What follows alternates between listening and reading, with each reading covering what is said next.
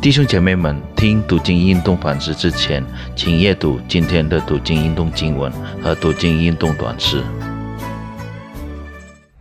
主内弟兄姐妹们平安，感谢上帝的恩典，他的怜悯与慈爱，每早晨都是新的，让我们可以好好的使用神赐给我们的时间，来亲近他，来学习他的话语。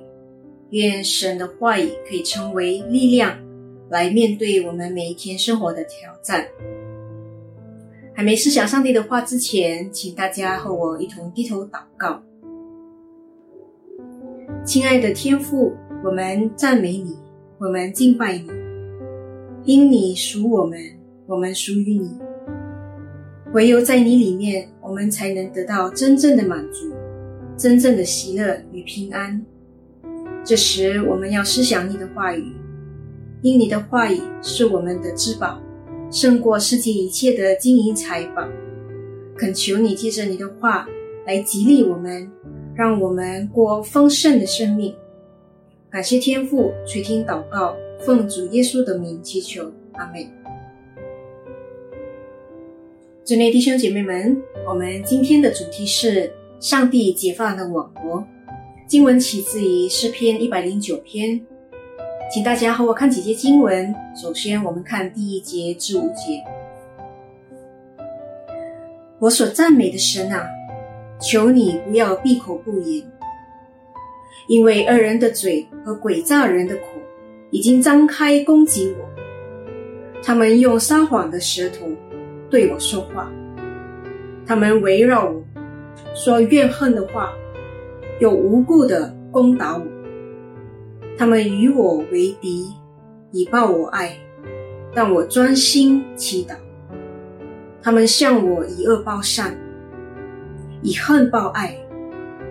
接下来我们看第二十一节：主耶和华，求你为你的名恩待我，因你的慈爱美好，求你搭救我。三十节。我要用口极力称谢耶和华，我要在众人中间赞美他。读了这首诗篇，我们应该可以感受到大卫在那时刻的痛苦和压力。但在这样难受的情况下，大卫仍然能赞美神，并且向他所赞美的神来求告。因此，他可以以赞美神来开始他这首诗。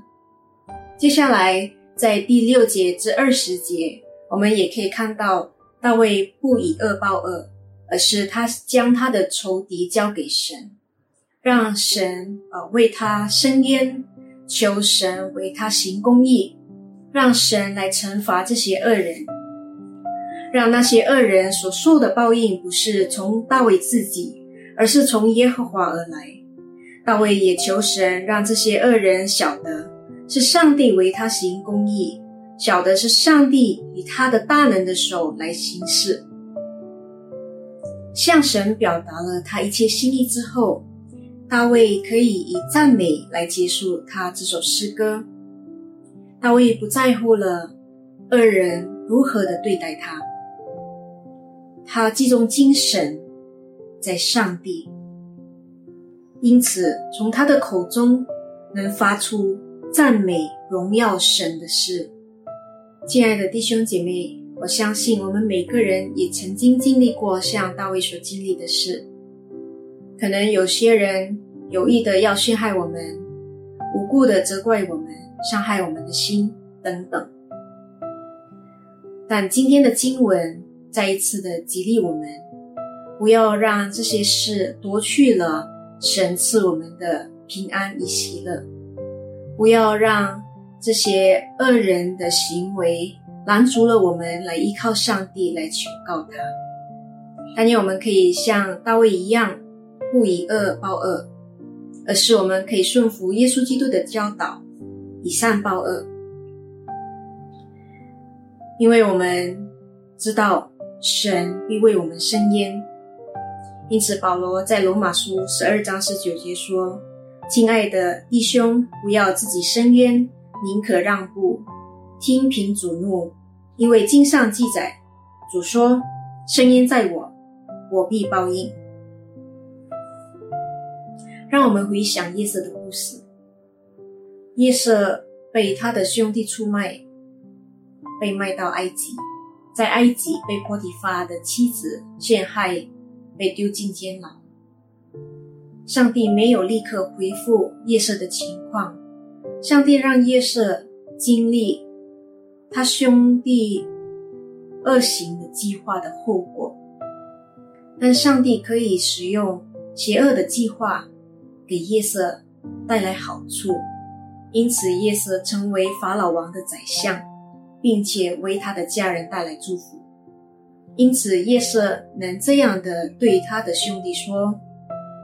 从前你们的意思是要陷害我，但神的意思原是好的，要保全许多人的性命，成就今日的光景。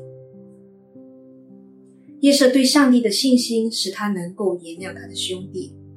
在我们的生活中，可能有些人有意的来陷害我们，但我们要相信，按照上帝的时间，他必帮助我们解放我们，脱离恶人的网络。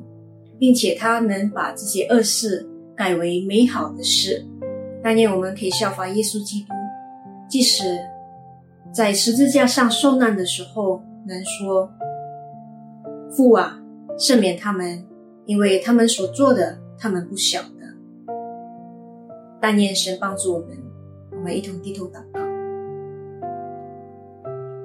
我们慈爱的天父，感谢你宝贵的话语，再一次的提醒我们。在我们面对不愉快的事的时候，我们要相信、依靠、仰望你，因为我们知道，按照神你的时间，你必解放我们脱离恶人的网并且把恶意改为美好的计划。